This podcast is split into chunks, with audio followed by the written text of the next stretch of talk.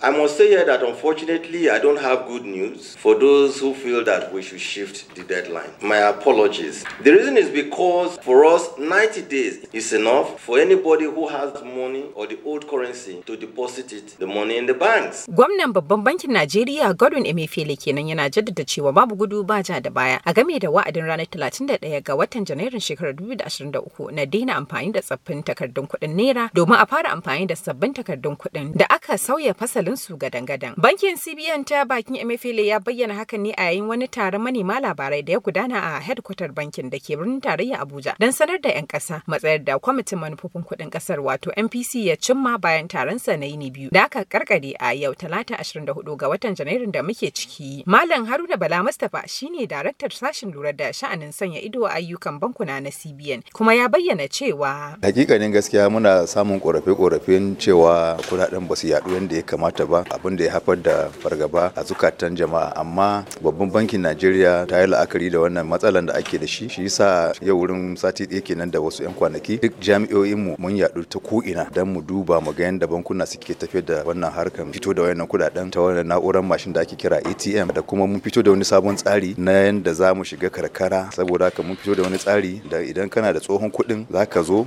akwai irin agent agent nan za ka kawo dubu goma ga tsohon kuɗi sai su baka sabo. Kuma bugu da ƙari. Muna nan dai muna tunzara bankunan su ma su tashi su ƙara himma don kuɗin ne ya yaɗu. Abin da dai zan gaya ma 'yan najeriya shine a yi haƙuri da wannan tafiyan da ake ciki. A tsari ne da aka fito da shi wanda zai amfani kowa da kowa. Kuma allah ya so da nan da 'yan kwanaki kafin ainihin ƙarshen wa'adin za a ci magaci insha allah. A wani ɓangare kuma mamba a kwamitin manufofin kuɗi da tattalin arziki na babban bankin cbn malam aliyu rafin daɗi sanusi ya yi ƙarin bayani akan abubuwan da suka cimma a yayin taron nasu. Wato wannan abin da muke yi kowane lokaci ne bayan wata biyu. Mun lura cewa ƙididdigun da ita hukumar da ke tattara bayanin ƙasa nbs ta nuna ya nuna cewa shi hauhawan farashin nan ya rage hawa. Ba yana ta hawa ba kamar yadda ke tafiya 'yan watannin da suka wuce. Kuma mun duba mun ga cewa dalilin da yasa ya fara raguwa hauhawan farashin saboda wannan daga su kuɗin ruwa da muke yi kenan. To abin da kwamiti ya duba yanzu shine tunda dai rage wannan na wata ɗaya ne ba garanti cewa zai ci gaba da sauka idan muka tsaida daga wannan farashin. Babu tabbas cewa zai ci gaba da. Abin da shi gwamna yake magana kenan a saboda haka muka ce to mu ci gaba da daga wannan kuɗin ruwan har mu ga abin da zai yi nan da wata biyu kuma.